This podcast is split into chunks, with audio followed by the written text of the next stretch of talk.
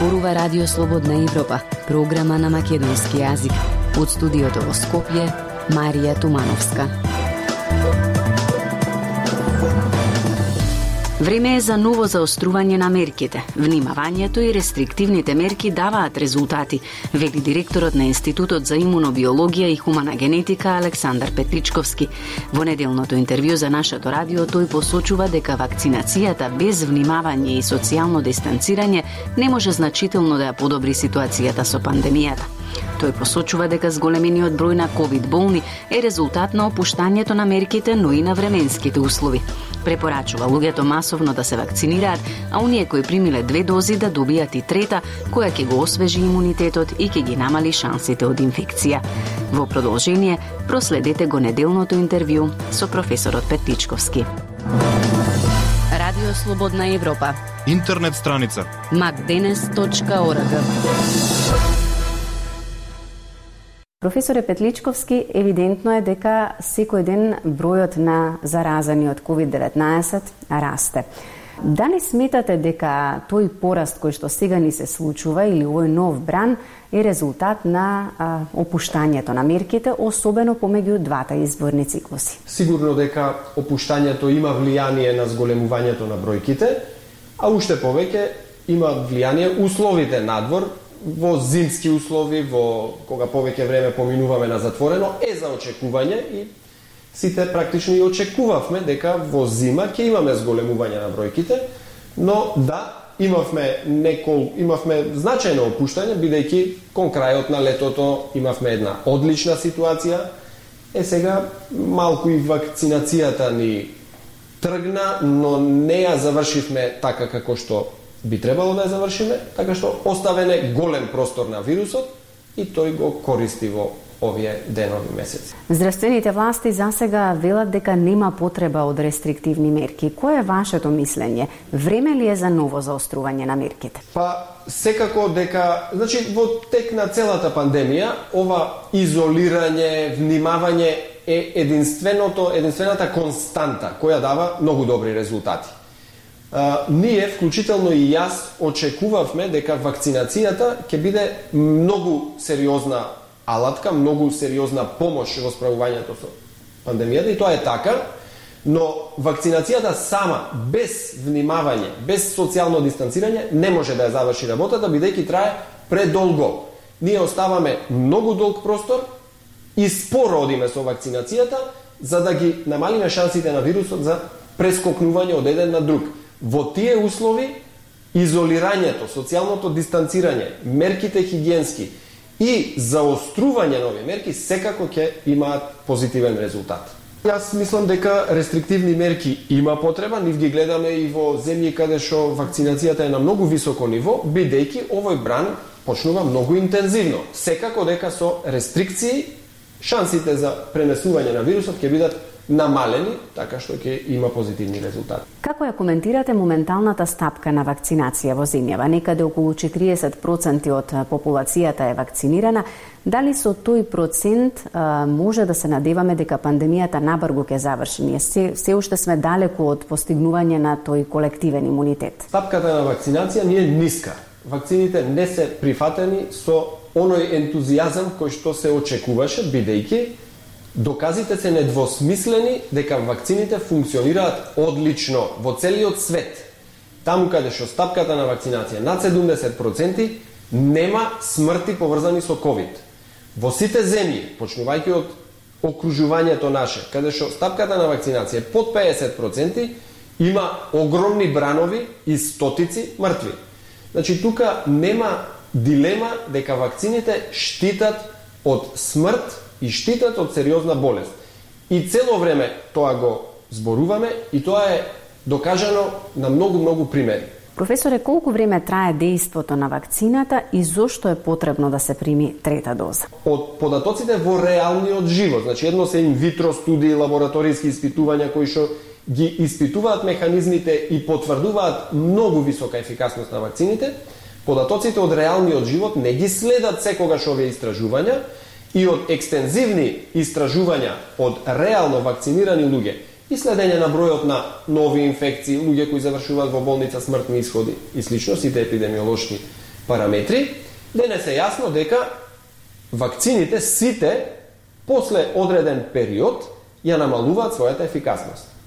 Ова пак останува да важи дека вакцинираните луѓе и по многу месеци од вакцинирањето имаат многу добра шанса да, да се справат лесно со болеста, но факт е дека после 6 месеци од прилика за сите вакцини е полесно човек да се инфицира и од инфицираните некои луѓе ќе имаат и симптоми. Од тргнувајќи од ова сознание дека после 6 месеци имунитетот предизвикан од вакцини, веројатно имунитетот после помината болест слабе, воведена е во многу земји од светот, вклучително и кај нас, ова иницијатива, стратегија за воведување на трета доза. Третата вакцинална доза прави едно освежување на имунитетот, засилување на имуниот систем, создавање на нови антитела, поттикнување на тие памтечките клетки кои ја запамтиле првата средба со вирусниот антиген и подигнување на нивото на имунитет, односно враќање кон тие 90% ефикасност на вакцините кои што ќе трае нови дали 6 или повеќе месеци во моментов се уште не знаеме. Во јавноста исто така се појавија дилеми околу тоа дали треба да се мешаат вакцините. Кај нас достапна за бустирање е само вакцината на производителот Pfizer BioNTech, А потука се јавуваат дилеми што со тие кои што предходно примиле а, друга вакцина од друг производител. Безбедно ли е мешањето на вакцините? Теоретски и практично се покажува комбинирањето на вакцините може да има позитивен ефект на ефикасноста, при тоа со зачувана безбедност, односно со безпријавување на некакви сериозни несакани реакции. Значи, во моментов и најавторитетните светски агенции, CDC, американската, кажуваат дека мешањето на вакцините е безбедно и ефикасно, бидејќи е згодно теоретски, кога имаме, не знам, прва вакцинација, на пример, со некаква инактивирана вакцина, втората вакцина да биде МРНК или аденовирусна вакцина, со цел да се да се добијат ефектите, да се комбинираат ефектите и од двете различни платформи, бидејќи различните платформи имаат различни корисни и може би по некој несакан ефект. Значи, комбинирањето, мешањето на вакцините е безбедно и од оние студии кои се достапни е јасно дека ефектот пак е значително подобар. Значи, кога би имале човек вакциниран со две дози на Спутник, третата доза на Спутник нема да предизвика толкаво засилување на имунитетот, како трета доза од Pfizer. Радио Слободна Европа, светот на Македонија. Во последно време читаме за извештаи дека доколку се има 500 единици антитела, тоа е доволно за да не заштити од сите соеви на COVID-19. Дали на вистина има одредена бројка на антитела или соодветно количество на антитела кое што ќе ни понуди, ќе ни даде некаква гаранција дека нема да се инфицираме од некој од соевите на коронавирусот? Се вели дека нивоата од 500 и повеќе единици на антитела штитат од сите можни соеви на на вирусот на COVID-19. Дали сметате дека дали е вистина дека некаква има бројка некоја која што е соодветно количество на антитела а кој што ќе ви направи гаранција, ќе ви даде дека вие нема да заболите утре други ден да се инфицирате. Јас мислам дека не постои бројка за концентрацијата на антитела, количината на антитела која може да гарантира дека тој имунитет ќе биде ефикасен. Сметам дека има корелација која што укажува дека луѓето кои што имаат високи количини на антитела е помалку помалку веројатно дека ќе се позитивизираат или дека ќе се разболат. Но една граница, еден праг, 200, 300, 500, кој што ќе гарантира дека нема да дојде до инфекција, не постои според мене. Ке има студии кои ќе лицитираат со бројки, но реалноста е таа. Логично е дека луѓето кои што имаат по скора имунизација, се вакцинирали или поминале болест пред неколку недели, месец, два, три, имаат висока количина на антитела, но не се само антителата кои што се високи од активноста на имунитетот кај нив. Така да не може да се сведе активноста на имунитетот на една бројка од антитела. Кој е вашиот став во однос на вакцинирањето на децата? Од која возраст препорачувате и сметате дека е безбедно да се вакцинираат деца? Таа препорака ги следиме препораките на CDC, американската FDA. Сега во моментов во Америка ги разгледуваат опциите и за намалување на овој возрастниот лимит, односно за вакцинирање и на помали деца. Логично е децата да се вакцинираат, бидејќи ако бидат исклучени од процесот на имунизација, тие си создаваат едно гето во кое што се остава простор на вирусот да се пренесува и да живее. Па по одредено време да се пренеси дома и тој круг никогаш да не се затвори. А, по однос на безбедноста, на почеток каснеја податоците, не ни имаше студии за испитување на безбедноста кај деца, но сега тие студии се се побројни и исто така потврдено е дека вакцините се безбедни за деца, нека да има пристап каде што дозата на вакцината, дозата на МРНК молекули или дозата на аденовируси се намалува соодветно на телесната тежина и тоа е логичен пристап.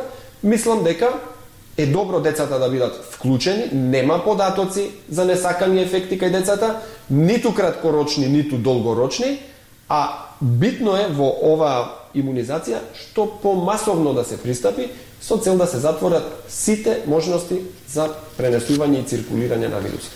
Неодамна министерот изјави дека вакцинацијата во земјава стагнира. А, некои се на мислење дека оној кој што досега не се вакцинирал, веројатно нема ни да се вакцинира допарва. А, како да се зголеми ете свеста или како да ги натераме антиваксерите да примаат вакцина? Ни се подели обштеството не само кај нас во цел свет на тие што се за вакцинација и тие кои не се за вакцинација.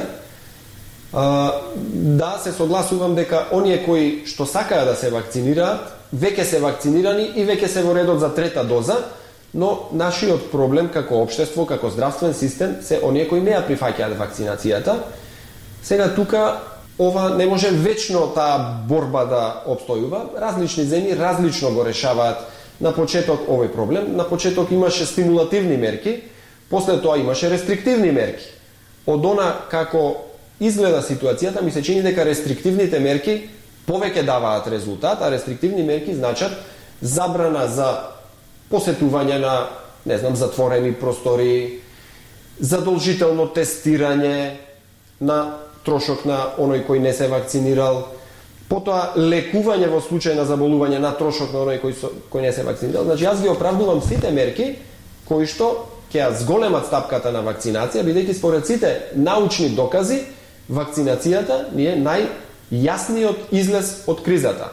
Она што исто така загрижува во земјава е и високата смртност, значи висока е стапката на смртни случаи професоре, како резултат на што е таквата смртност? Веројатно Македонија или македонскиот народ не е единствениот кај кој што има коморбидитети или кој што може би малку подоцна се јавуваат на лекар. Што сметате дека е главната причина поради високата смртност? Имаме проблем дефинитивно, смртноста ни е висока споредено со смртноста во развиените европски земји, ама ние не сме развиена европска земја, ние сме неразвиена земја и имаме недоволно развиен здравствен систем. А, сигурно дека коморбидитетите, како во цел свет, влијаат на зголемување на шансите и зголемување на смртноста. Имаме дополнителен проблем со не прифаќањето на болеста и нејавувањето, и тоа е сигурно. Но дополнително имаме лоши услови во здравствениот систем, веројатно немаме ни доволно капацитети и сите комбинирани елементи доведуваат до ова висока смртност, која пак од друга страна, убаво кажавте, во регионот е слична. Значи, со развојот на државата, со развојот на здравствениот систем, ќе се подобруваат условите и ќе се намалува смртноста, но моментно не сме таму. Толку во оваа емисија ја слушавте програмата на македонски јазик на Радио Слободна Европа. Од студиото во Скопје ве поздравуваат Дејан Балаловски и Марија Тумановска.